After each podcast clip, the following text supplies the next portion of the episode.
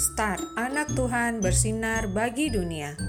Renungan tanggal 5 November untuk anak balita sampai kelas 1 SD. Diambil dari Yunus pasal 1 ayat 2. Bangunlah, pergilah ke Niniwe, kota yang besar itu. Berserulah terhadap mereka, karena kejahatannya telah sampai kepadaku. Tuhan mendidik. Adik-adik, dalam hidup ini ada aturan-aturan yang wajib kita taati.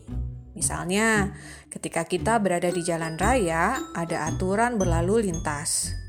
Nah, aturan ini harus kita taati agar kita terhindar dari celaka dan kita tidak mencelakakan orang lain.